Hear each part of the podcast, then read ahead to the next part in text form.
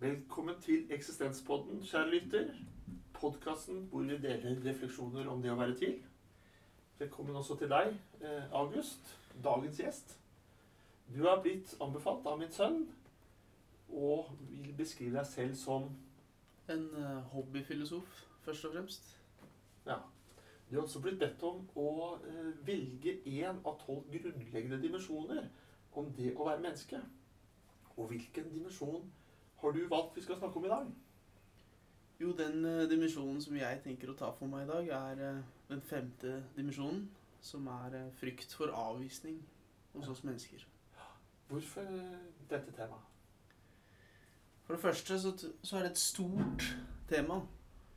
Og sånn som jeg ser det, så tror jeg at dette temaet har mye større betydning enn man først skulle tro, da. Altså det er ikke så snevert som det kanskje ser ut til å være.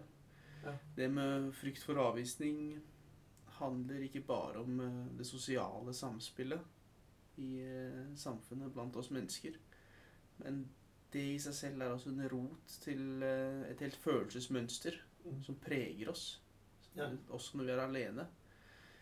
Og som driver oss i ulike retninger, og driver tankene våre i ulike retninger uten at vi selv kanskje er klar over det. Har du noen eksempler på hvilke retninger vi kan både drives i når det gjelder det med avvisning? Nei, mest eh, tydelige er jo kanskje slik eh, det moderne samfunnet er i dag, med mye sosiale medier eh, for eksempel. Mhm. så er vi stadig eksponert for andre menneskers suksess eller velvære.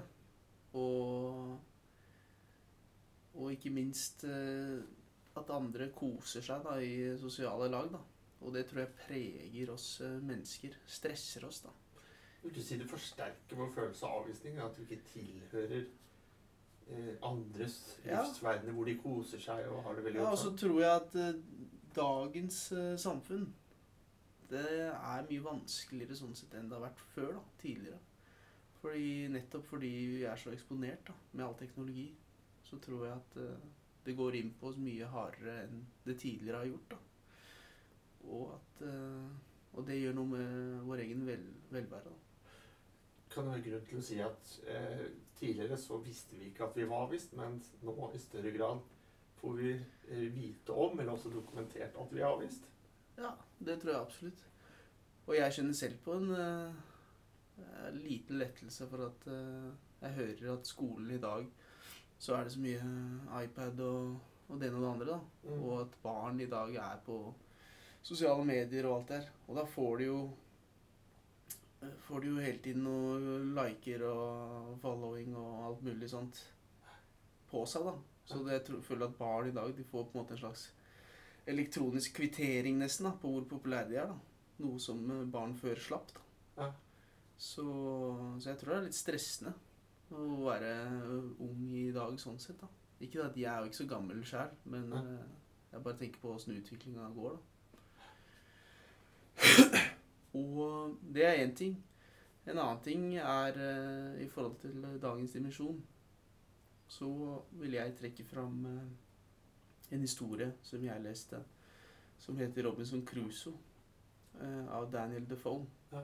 Som uh, prega meg, da, eller som jeg syns var interessant. Som da handler om, uh, kort fortalt, en mann som uh, havner på en øde øy. Og det som er greia, er at livet på denne øya er ikke, er ikke så verst. Han har tilgang på alt han trenger, så å si. I tillegg til masse muligheter for hobbyvirksomhet og, og fritidsaktiviteter. Øya har alt. Men det som eh, preger historien, da, det er ensomheten, da. Og det er kanskje akkurat eh, litt inn på dagens tema i forhold til hvor mye Hvor avhengig vi er av andres bekreftelse uten å selv tenke over det, da. Før man kanskje havner i en sånn situasjon. Fordi det, det jeg lurte på, er hvordan jeg selv ville taklet å havne på Nødøy uten å kunne komme seg til eh, noe menneske igjen.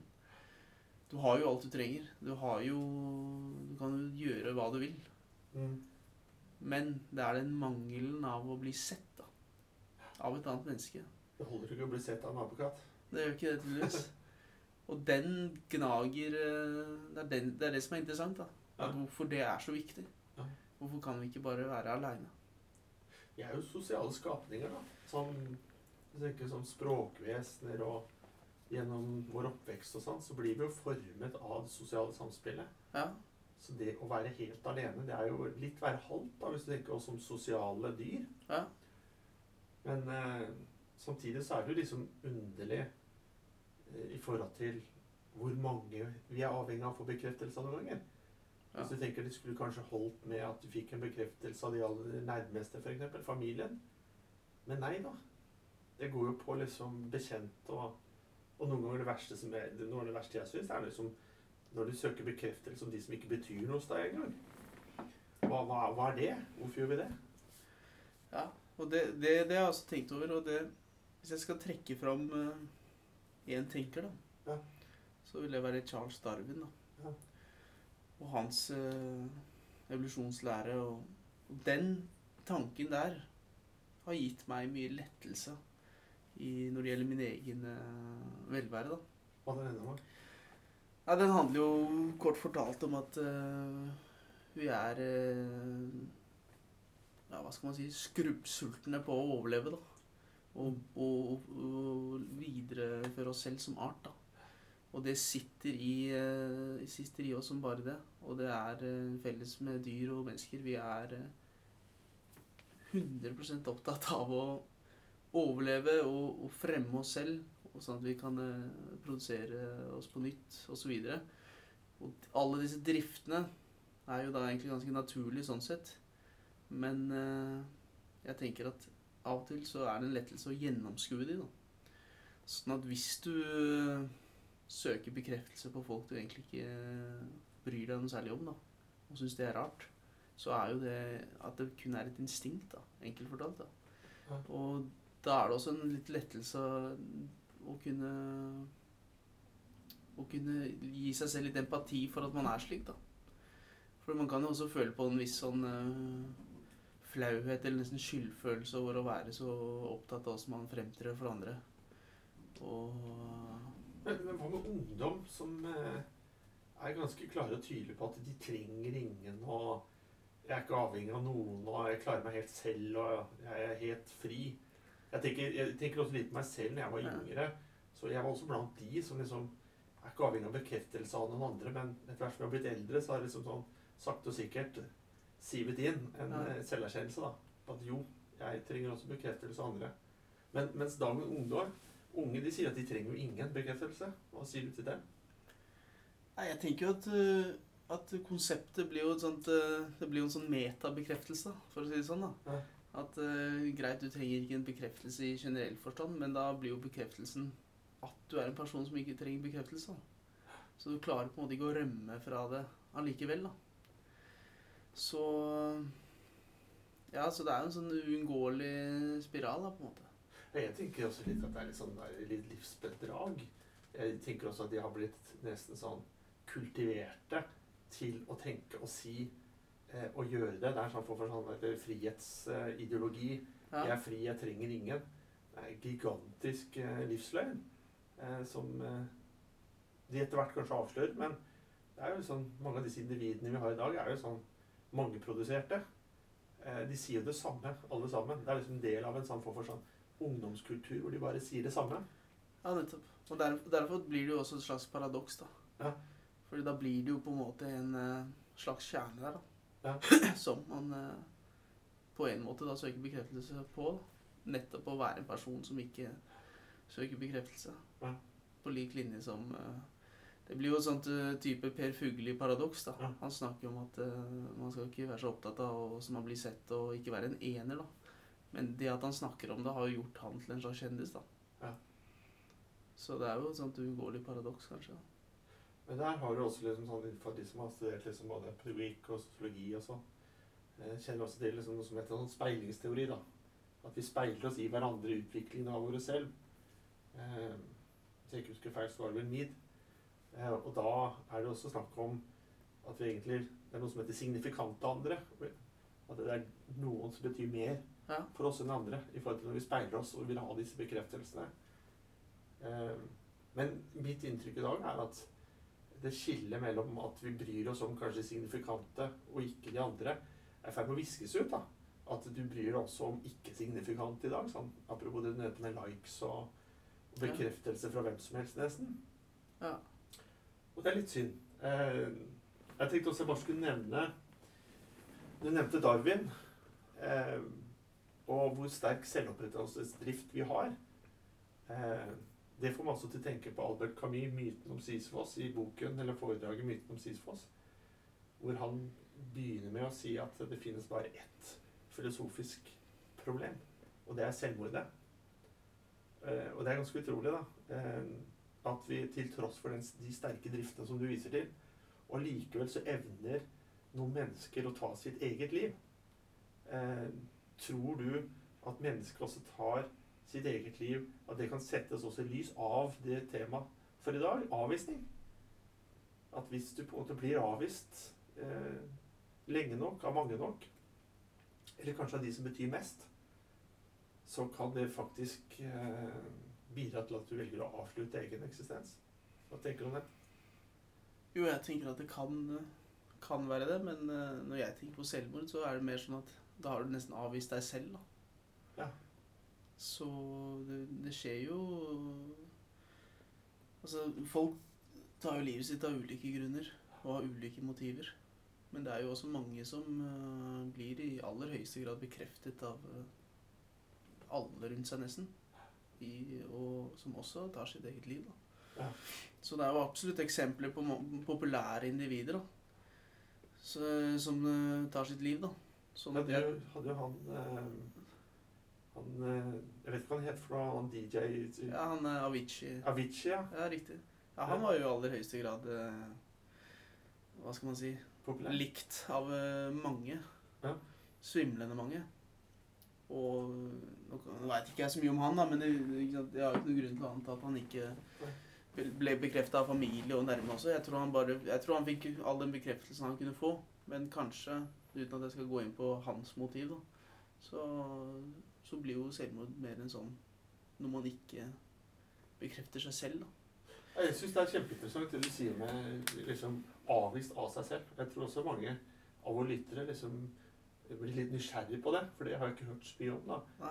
Eh, Hva, hva handler liksom det å avvise seg selv om? Nei, jeg tror det handler om Jeg har i hvert fall tenkt på det i forhold til selvmord, da. Så Som et sånn tankeeksperiment så har jeg ofte sett for meg at hvis man er eh, på det stadiet at man har lyst til å ta sitt liv, da Hvorfor ikke bare reise vekk fra alt sammen til eh, et helt annet sted på jordkloden med palmetrær og kokosnøtter og liksom slappe av med noen helt andre omgivelser? Men så har tanken begynt å slå meg at det ikke er omgivelsene, men det er det, er det å, å være i selskap med seg selv som Ja. er uholdbart. Mm. Ikke omgivelsene rundt. Mm. Så Men hvordan man har klart å komme seg dit, er jo interessant òg, da. Det får meg til å tenke på en annen av mine yndlingsfilosofer, Heidegger. Eh, Han skiller veldig klart og tydelig mellom to måter å være i verden på. Da. Eh, Det ene kalles eh, aleneværen, og det andre kalles medværen. Og han viser også til at det er viktig å ha god balanse mellom det å være alene med seg selv og det å være med andre. Og at vi er i verden på to forskjellige måter. da. Så kan hende, nå spekulerer jeg litt, da, men kan hende er det sånn at hvis du fortaper deg i ba en, en væren bare med andre, så kanskje du liksom mister deg selv under veien. Så liksom viktigheten av det der å hele tiden også sette av tid til å være alene med seg selv, oppdatere seg på seg selv, jorde seg selv og sånne ting, for hele tiden holde den balansen, da, for det er lett å miste den. Ja. Og kanskje motsatt òg. Hvis du er for mye alene, så kanskje du kan miste den derre medværen med andre. Så kan du få en ubalanse der også. Ja, Eller det, det kan være. Men jeg tror absolutt du er inne på et poeng, i hvert fall førstnevnte, at, eh, at hvis man er for opptatt av, eh, som dagens tema er, bekreftelse av andre og, og det sosiale, at man da kan miste seg selv litt. Jeg tror kanskje at i et eh, så supersosialt samfunn som de fleste av oss lever i, Og i hvert fall da med teknologien som blir en sånn forsterker på det hele, da. Så tror jeg at, at den proporsjonen da, mellom eh, det du beskrev der, med å være med seg selv eh, alene og med seg selv med verden, da, så tror jeg at den proporsjonen er helt ubalansert, da, sånn som er i dag. Jeg tror den er altfor mye på det sosiale. Ja. Altså altfor mye, da, i forhold til mennesket som eh, biologisk vesen er i stand til, egentlig, da. Og jeg tror prisen kan da være at eh, ettersom man er så stadig eh, Man har en sånn stadig svimmelhet, nærmest, av å, å bekreftelse fra andre Mm. og, og være god og bra og alt det der, så tror jeg av å være så lenge i, det, i den dimensjonen der, da, så tror jeg når du først er alene da, med deg selv, så har du nesten blitt fremmed overfor deg selv. Og det tror jeg altså at uh, Da er det trøbbel, tenker jeg. ja, da, er i trøbbel, og da Ja. tenker jeg også Det tror jeg kanskje var folk flinkere på i, for mange mange år siden, når det var uh, mer sånn jungeltilstander. da, og Ja. du var mer alene i naturen. Da tror jeg du var mye flinkere til å håndtere Til å føre din dialog med deg selv. Da, da tror jeg det var mye bedre kjemi mellom deg og deg Ja. enn det er i dag. Og det, og det kommer rett og slett av, hvis jeg skal forklare det enkelt, av fraværet av en sånn praksis. Du kan sammenligne med at et menneske som øh, jobber på kontor og lever veldig stillesittende, som da ekskluderer eh, hva skal man si, den fysiske delen av livet, da. Trener lite, er lite aktiv fysisk og osv. Vil jo da kjenne at når vedkommende først gjør noe fysisk, så er jo, så er jo formen helt eh, forferdelig. Ja. Det føles jo helt eh, jævlig å bevege seg hvis du i, i aller minste grad gjør det. Trening er jo gjerne morsommere jo, me- jo bedre trent du er. Ja. Og så er det jo kjipere jo dårligere trent du er. Ja. Og sånn blir det jo litt i forhold til det å være alene. da. At jo mindre du er aleine med deg selv, jo mindre tilfredsstillende er det. da. Og jo, og jo mer uvant blir det. Og jo mer ubehagelig blir det. Hvis jeg forstår det rett her, så du, du, du, du peker i retning av liksom selvforsterkende effekter her. Eh, at eh, jo mer du søker bekreftelse av andre, jo større blir behovet. Eh, og jo mer behov beveger du deg vekk fra det å være alene. Fordi du går for mye over i medverden. Ja, ja, ja, du kan si det sånn. Jeg tror på en måte bare at det blir mer og mer ukjent da, å være alene med seg selv. Sånn at det blir jo Den evnen blir så Den er blitt så tynnslipt, da. Tror du det fins en grense? At du, du, du, liksom du, snakket, du snakket i sak om å miste seg selv. At du kommer til et punkt hvor du ikke klarer å eh, gjenhente deg selv, eller gjenoppta deg selv. Du har liksom du har kommet for langt vekk fra deg selv at du klarer ikke å komme tilbake. Ja, det, det vet jeg ikke. Det tror jeg ikke nødvendigvis. Men jeg tror at uh, Altså, selv det verste rot kan jo ryddes på mange måter. Det kan man jo si om uh, livet. Men jeg tror fortsatt at den tilstanden man uh, møter seg selv i, da etter å være i på en måte kall det dårlig form da, i forhold til det å være med seg selv, den kan være så dyster da, at uh, selvmordet Ja. Blir liksom Eller sånn, hva skal man si, fristende. Jeg skjønner. Så, så Jeg har jo I min ferd her i livet så har jeg møtt mange forskjellige typer mennesker. Men jeg trives veldig godt med, eh, med fiskere og bønder og eh, skogsfolk. Og det tror jeg kan være noe av det du sier, fordi de er veldig vant til å være med seg selv og ha sånn kontemplasjon. De tenker og de forholder seg til naturen og årstider kanskje på et eh, roligere, mer balansert måte. da. Mens eh, enkelte mennesker jeg kan møte i byen, eh, opplever jeg da i hvert fall som litt sånn vel eh, overfladisk og i flukt. da. Jeg blir nesten stressa av å snakke med dem, fordi de, de er ikke i ro. da. Jeg opplever ikke at de liksom har forankring i seg selv. Ja. Vet ikke om du kjenner deg igjen i det? Jo, jeg kjenner, kjenner det igjen, absolutt. Og det tror jeg er ganske lett å kjenne igjen.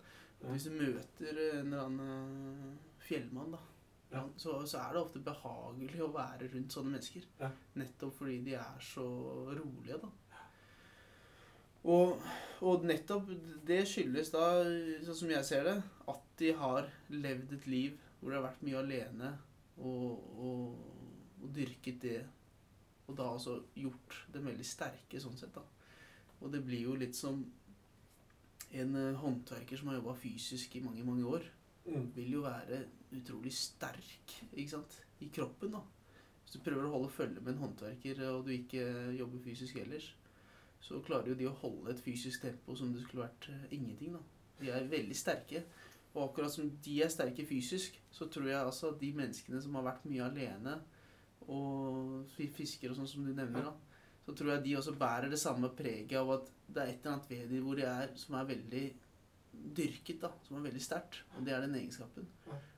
Og enkelt uh, forklart så tror jeg rett og slett at sånn blir det hvis du har vært veldig sosial og levd uh, et bekreftelsessøkende liv av andre støtt og stadig, så tror jeg da, da blir jo den egenskapen veldig, veldig liten. da. Å kunne være selv og være med seg selv. Og da tror jeg altså du merker det, sånn som du sier, at når du møter folk som er veldig stressa. Det er fordi de, de besitter ikke den kvaliteten.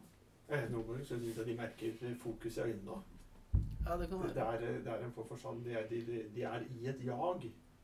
Men eh, litt i lys av det vi snakker om nå, så får jo det meg til å tenke i lys av dagens tema, som handler om det med avvisning, er at eh, den, de som er flinke da, til å være mye alene, om det er på, på sjøen eller i skogen eller åkeren eller, eller på andre måter, eh, er de liksom litt mer beskyttet mot avvisning, vil du tro? At de, de eh, blir ikke så preget av å bli avvist fordi de har en annen ro eller balanse i seg. Det tror jeg i aller, ja. i aller høyeste grad. Og det tror jeg ikke kun gjelder eh, dem å bli avvist, som de er da bedre på. Men jeg tror på det generelle i forhold til sine egne følelser, så er de mye mer eh, Hva skal man si Altså Da er de sterkere, da, i forhold til altså, De er flinkere på emosjonell regulering, da, for, for å bruke noe sånn fagterm på det. da. Altså, du, du opplever jo støtt og stadig impulser og følelser og tanker. Det kan jo stresse man. Enten det er at man, som dagens tema, avvisning, Ja. eller at noen har, øh, du er nær har øh, dødd, gått Ja. bort, eller at uh, noen andre tragedier av noe ulikt slag. Så strømmer det jo på følelser. Ofte ubehagelige følelser. Som er, som er vanskelig øh, å håndtere. Det i sin helhet tror jeg de som har vært mye alene, er flinkere på. Og det virker litt sånn eh, Hvis man ser litt på det barske skikkelser eh, som har vært mye aleine, eh, eller som har eh, Ja, den, denne type folk, da. Så virker det litt som om de har et sånt eh, rolig forhold til, eh, til verden. Da. Altså om ting brenner ned, eller om de mister alt, eller hva det er så, så er det en, en sånn ro rundt at livet gir, livet tar. Altså en sånn stoisk ro, da. For å Skal si jeg våge sånn. litt, litt utpå her? Ja. Um, fordi I det vi snakker om nå, så tenker jeg at en av grunnene til at de får til da, den litt mer stoiske roen, er kanskje også at de, de evner å sette sine egne følelser og livshendelser i en større sammenheng. Eh, noe de da har gjennom ha hatt mye tid alene med seg selv, omgivelsene og naturen. Så på en måte ser de seg selv mye mer som en del av et større hele. Og, og det i seg selv gjør at de, de, de blir da litt mer robuste da, i forhold til det de opplever. og sånne ting. Tror du det kan ha noe med det å gjøre? At de setter eh, egen en større sammenheng i lettere grad. Mens de som mangler den råd, de, blir liksom, de får ikke proporsjonert eh, opplevelsene sine. De, de blir for store for det. Ja, det, det tror jeg egentlig er en god, god uh, påpekning. Ja. Fordi når jeg tenker over det, så virker det jo også sånn disse Hva skal man kalle den motparten, da. Ja. Altså de be bekreftelsessøkende, stressa, moderne mennesket. I motsetning til disse andre skikkelsene som vi prater om, så tror jeg de har et mye mer sånn egosentrisk bilde av seg selv. At verden handler mer om dem, da. Ja. Versus den andre parten, hvor de er en del av verden. Ja, det tror jeg. For jeg, jeg, jeg tror man kan forsvinne inn i et ego. Ja. Nesten som å forsvinne inn i et sluk. Ja. Og det er egentlig et farlig sted, for det er en sånn nedadgående spiral. At du til slutt så står du i veien for deg selv i forhold til det å oppleve livet, oppleve omgivelsene. Du ser bare deg selv, du opplever bare deg selv. Og da tror jeg også du møter det filosofiske problemet til Camus. da. Å Ja. leve eller ikke leve. Ja. For jeg tror at i den jakten på det bekreftelsesbegjæret, som da er et begjær i den forståelse at det aldri blir nok, Bunnløst. det blir aldri nok, så tror jeg da at du har vært så mye inn i det at du kjenner deg selv såpass lite at det blir en sånn fremmed distanse mellom deg selv og deg selv. da. Ja. At den stillheten blir uholdbar. da. Ja. Og derfor eh, kan selvmord virke som et alternativ. Og derfor virker heller ikke å flytte til en eller annen fin, eh, et fint paradis. Fordi uansett om du er eh, ved en krystallklar strand og kokosnøtter og, og buffé ved siden av deg med all mat du kan spise, så er det fortsatt deg selv du må spise sammen med. Er du, du må bade med deg selv. Du må, du må leve med deg selv. Og det er, det er det selskapet der da, i blir- ja, som blir uholdbart. Og da og det, det tror jeg er prisen. da. Jeg, jeg ser på det litt som Hvis du ser på bekreftelse altså Det, det er så sterkt, da, det begjæret. Og det er litt som eh, Sånn som man beskriver mennesker som er opptatt av materielle ting. Penger og alt det der. Så er det bekreftelsesgreiene litt samme ting. Da. Du, du søker etter det. Det blir aldri nok, det blir aldri nok. Du blir grådig etter det her, da. Og at den samme type grådig karakter som man finner i eventyr som stjeler penger og, og alt det der er opptatt av rikdom, så er, det, så er det overførbart da, til den personen som ikke kanskje er opptatt av materielle ting og penger og alt det der, men istedenfor er det bekreftelse. da. Så det blir bare en litt annen Det er bekreftelse kan være avhengighetsskapende. Og nesten som en form for mani. Ja, og så tror jeg det vekker de samme trekkene av grådighet da, som man ser hos andre. Mm. Og i, i den uh, sammenheng så, så, så dukker det opp en referanse hos meg. Og det er uh, staten av Platon. Ja. Uh, hvor Sokrates diskuterer hva rettferdighet er. Og så er jo ikke det noe vanskelig begrep å finne ut av. Rettferdighet. De går fram og tilbake.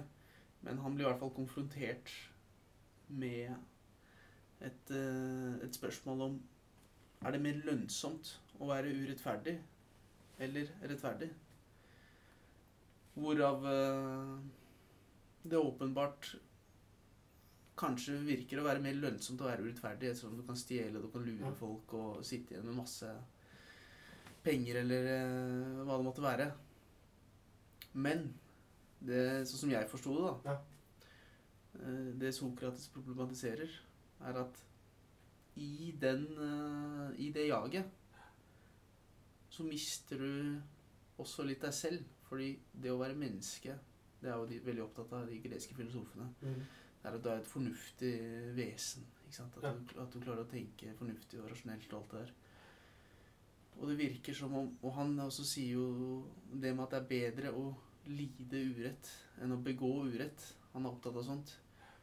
Og som jeg tolker det, så, så virker det som at uh, det man misser, da, det poenget man, man overser, det er at, uh, at hvem du faktisk er i selskap med da, når du nyter alle disse godene. Mm. Så hvis du er urettferdig og, og raner en stor bank og, og forfører en eller annen eh, gift dame til deg selv og, og bare fråtser i livets goder, da.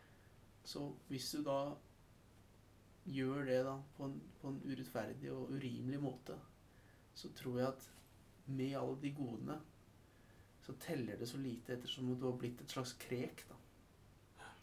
Og er det, er det en måte å avvise seg selv på, hvis du på en måte blir da grådig og går etter de godene og tar de snarveiene? Som om vi, vi, vi har noe i oss. Ja, Et, et selv som på en måte egentlig i utgangspunktet har eh, en større grad av balanse, fornuft og måtehold i seg, da, eller? ja det, blir, eh, det blir vel kanskje det, men jeg tror i hvert fall at det blir vanskelig å, å, å nyte alle disse godene på en ordentlig måte når du ikke har det bra med deg selv. da. Absolutt. Jeg tror at når du da liksom krysser dine egne ja, din egen rimelighet, da, så, så, så, så, så tror jeg at uh, da er det jo ikke noe gøy lenger. Og da er det jo det er bedre å sitte igjen med lite og vite i hvert fall at du har vært real. Jeg er redd for, redd for å gå over sånne grenser. Så Ja. eh, Og- jeg, en gang så løp jeg tilbake til postkontoret fordi jeg oppdaget at jeg hadde fått med meg 200 kroner for mye. Ja. Eh, og så tenkte jeg 200, jeg var student, det er fint å ha ekstra. Men så plutselig tenkte jeg, men hva kan de gjøre med meg? Oi, Ja. Så da løp jeg tilbake. Og det ikke sant, det De pengene der betydde jo ikke så mye, men det betydde jo veldig mye for meg. da. Ja, At, jeg gjorde overfor meg selv. Så det er jeg veldig pris på. Det ga en veldig god følelse. av det å gjøre det Ja. Og det tror jeg er ganske lett å forstå med materielle ting. For det er lett for oss mennesker Ja. å, å ha det forholdet til penger, f.eks. Ja. Men hvis man ser det i lys av istedenfor at det er fysiske penger, Ja. at det er bekreftelse, da. Ja. Ikke sant? Man kan jo sette Er man på en fest, da, og det er en fin dame eller et eller annet, så kan man jo sette sin egen venn i dårlig lys for å kanskje fremstå bra Ja. for den dama. Det er ikke noe penger innblanda her, men det er en sånn bekreftelse. Ja. Og, da, og da, da tror jeg du lider litt samme problemet som du gjorde når du løp tilbake på postkontoret. da. At selv om eh, du setter din venn i dårlig lys, da, og du da klarer å forføre den dama, så hvem er du til å nyte det, da? Når, du da når det har vært middelet, da. Mm. Og sånn, eh, sånn tror jeg man kan tenke litt, sånn som du tenker rundt penger, da. I forhold til at ja, du hadde trengt de 200 kronene og alt det her. Mm. Så tror jeg at når du da ikke går på akkord med deg sjøl, da, så, så er det jo ikke noe gøy allikevel. Og sånn er det litt med bekreftelse òg, at man må tenke litt på at det er et bekreftelsesbegjær hos alle. Men hva, hva er det jeg egentlig ofrer når jeg skal søke det her? Til hvilken pris? Ja, til hvilken pris? Og da Og da- gjerne du kan, Hvis jeg forstår deg rett, da, så ligger det nesten som et sant bytteforhold da, mellom eh, bekreftelse av, fra andre og bekreftelse av seg selv. Så du må hele tiden være litt våken på når du søker bekreftelse hos andre, i hvilken grad det går på bekostning av bekreftelse av deg selv og hvem du selv er. Det er mange for eksempel som sliter med eh, å si nei, eh, meg selv inkludert. Jobber med å bli flinkere. Men kanskje noen ganger så sier jeg ja for å få den bekreftelsen av andre. Eh, men da skulle jeg ha sagt nei for å bekrefte meg selv. Og da er jeg på en måte i det brytningspunktet, forstår jeg rett da? Ja. Men det, men det får meg liksom med til å tenke at eh, Bare for å si litt flåsete, da, men? Det, er, det er sånn advarsel på røykpakker fordi liksom det kan føre til kreft, og det er advarsler på alkohol kan det være, osv. Det burde nesten være liksom sånn advarsel også på sosialitet. da. At eh, du må vokte deg for ikke å bli for sosial. eh, fordi det kan gå på, såpass på bekostning av hvem du er, og at du avviser deg selv. Og at du da i neste omgang kan få store utfordringer. da. ja. Men Har du, har du selv noen ganger tatt et sånt eh, Nei, nå må jeg backe ut her. Dette blir litt for mye. Eh, dette går for mye på bekostning av meg selv. Har du vært i en sånn situasjon og opplevd det? Ja, det har jeg vært. Men, men et eksempel på det er at personlig så er ikke jeg eh, noe aktiv på sosiale medier. Og det er rett og slett at eh, jeg merker at uh, uten at jeg skal være noe radikal eller eh, stå for noen samfunnsendring eller hva det måtte være, så merker jeg bare enkelt og greit at for meg selv så er det ikke, så er ikke det sunt, rett og slett. Jeg merker at eh, jeg har det bedre uten å være på altså, disse sosiale mediene. Og det kan kanskje være at det blir for mye av det bekreftelsesbegjæret, da. Ja. Og at det bare forstyrrer min eh, ro, da. Så da har jeg tatt det valget at eh, der er ikke jeg på sosiale medier. Og det, og det tror jeg er sunt for meg, da. Jeg kan i hvert fall snakke for, for meg sjæl. Jeg tror at jeg har det bedre uten å vite alt hva som foregår der hele tida. Og det, det er jo et eksempel på På sånne sosiale medier så, så tar folk bilder av sånne av sine fantastiske opplevelser og hva de får til og, og ikke, sant? ikke sant? De dyrker jo det gode liv da, sånn visuelt da, i form av bilder.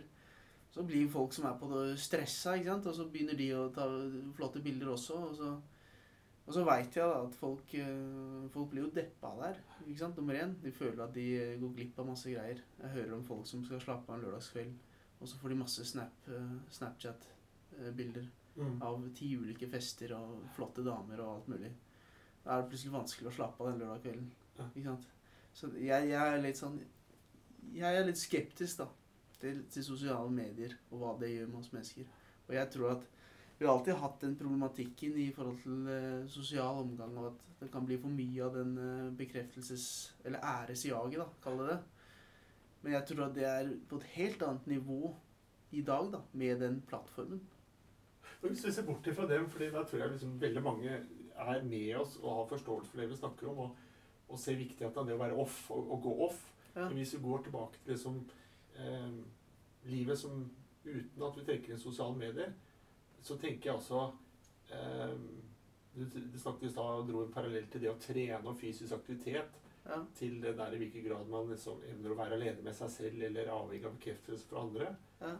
Em, så tenkte jeg liksom Det å, å innføre Hvis vi har noen lyttere som er veldig stressa, som kanskje har vært litt for opptatt av bekreftelse av andre uavhengig av sosiale medier, men bare Ja. sånn generelt liksom, Hva kan vi si til dem? Har vi noen tips og råd til dem? Fordi da liksom Da må man jo tenke litt sånn hvis man sammenligner mot det med å trene, at man begynner å trene seg opp og være litt mer alene. da. Og sånn som vi snakka om i stad, om disse her naturfolkene. Kanskje trene seg opp og være litt alene i skogen. Eh, gå aleneturer. Eh, eller f.eks. ha en eh, TV-fri kveld. Eh, den type. Tror du det vil eh, gi et bedre liv? Ja, altså Jeg tror i hvert fall det blir en eh, det blir mer behagelig hvis man dyrker det litt, da. Så hvis man skal se på det som uh, trening, da, akkurat som de som vil bli sterkere fysisk, eh, går og trener fysisk, da, så tror jeg at hvis du vil ha det litt mer rolig med deg selv, da, så kan du dyrke nettopp det å bare være helt aleine.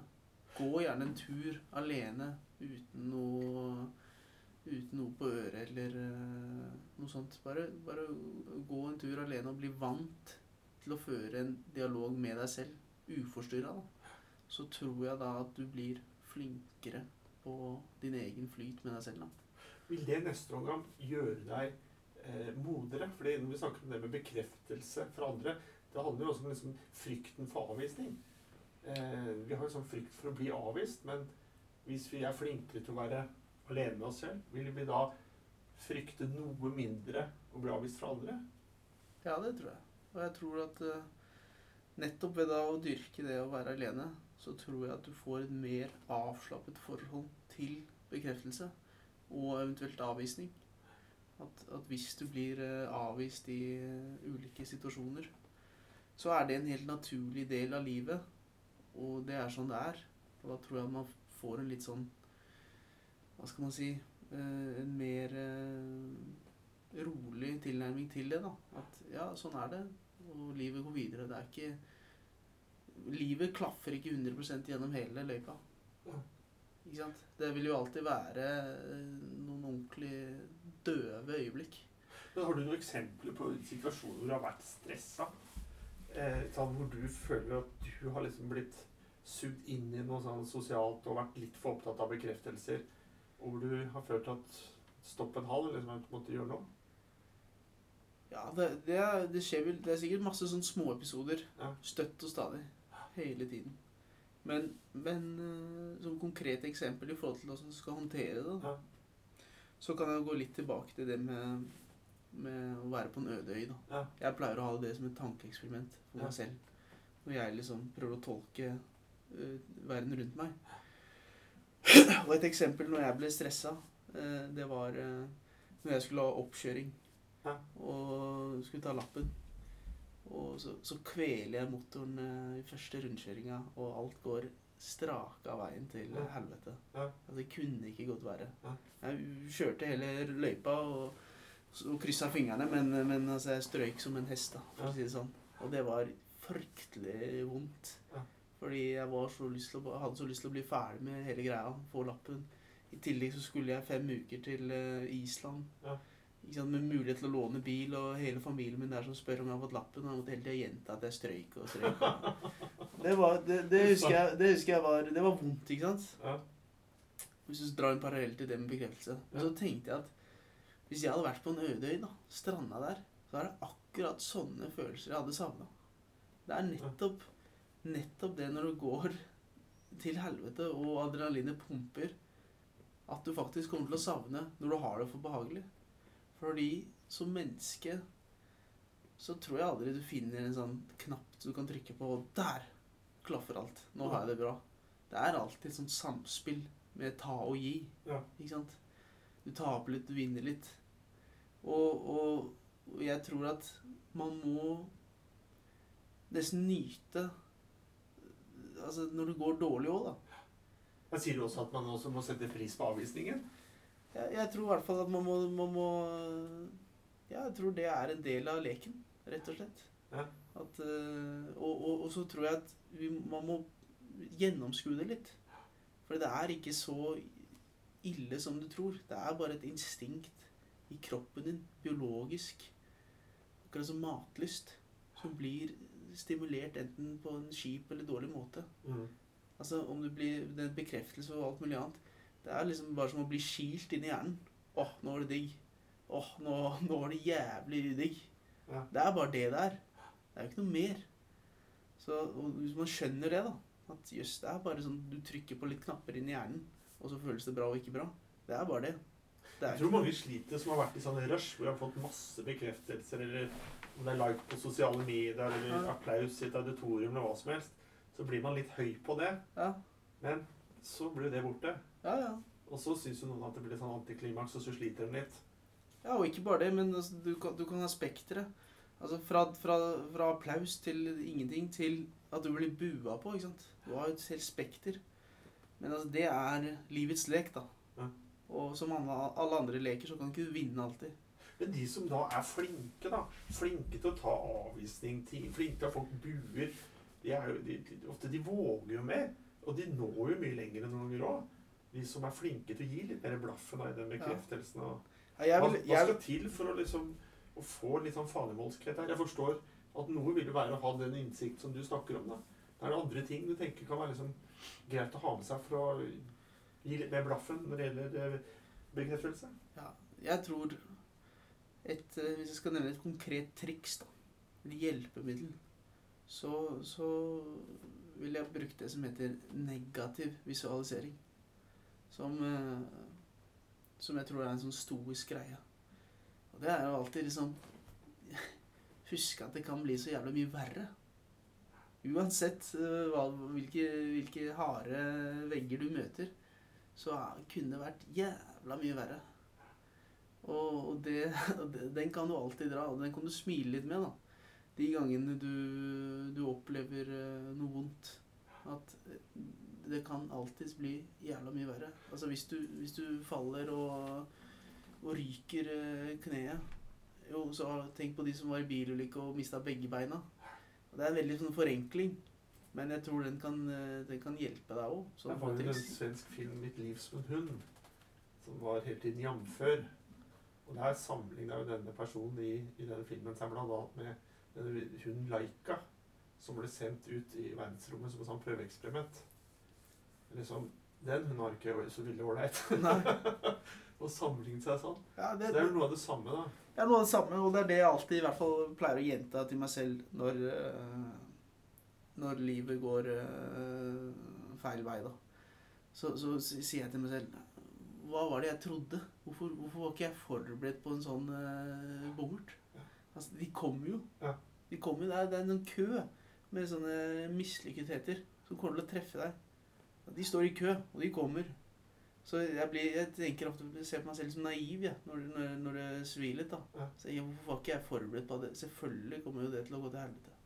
Altså det, det er en sånn Det er en sånn viss kvote, nesten, med utrolig kjipe opplevelser som livet sender på deg. Du skal ha litt styrke da også, og, og, og ha det perspektivet som du snakker om nå, og, og være i det perspektivet.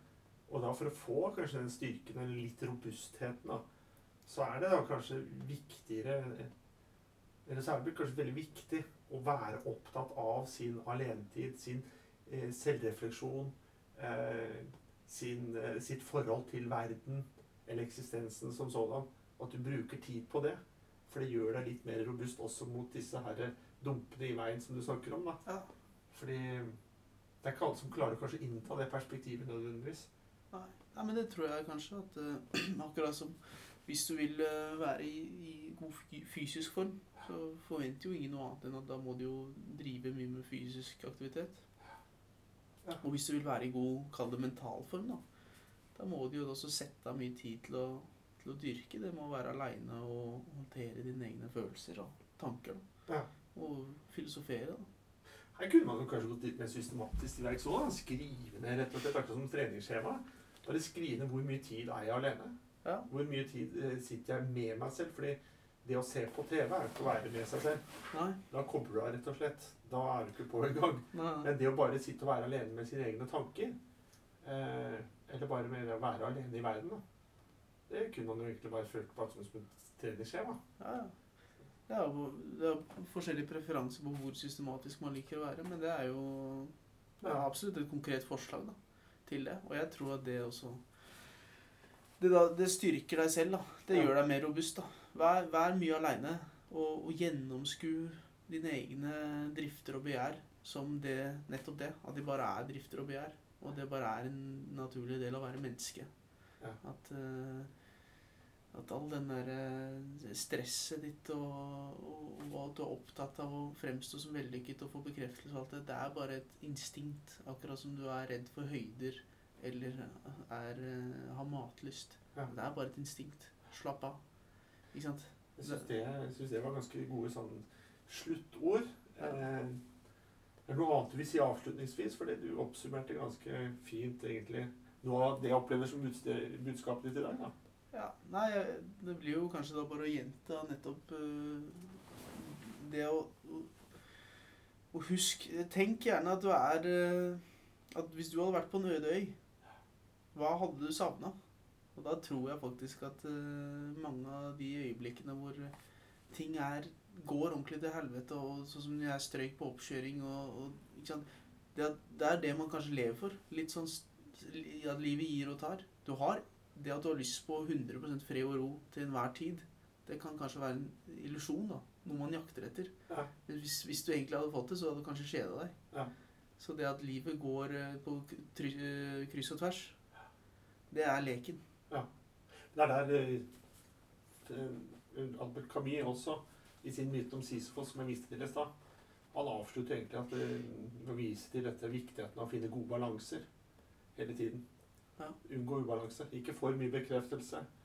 Eh, kanskje ikke for mye alenetid heller, men finne en god balanse som gjør at de kanskje har en sånn positiv påvirkning på hverandre. Ja. Eh, men uansett, August, jeg vil takke deg for en kjempegod og fin samtale. Og vil også takke deg som første gjest i Eksistenspodden.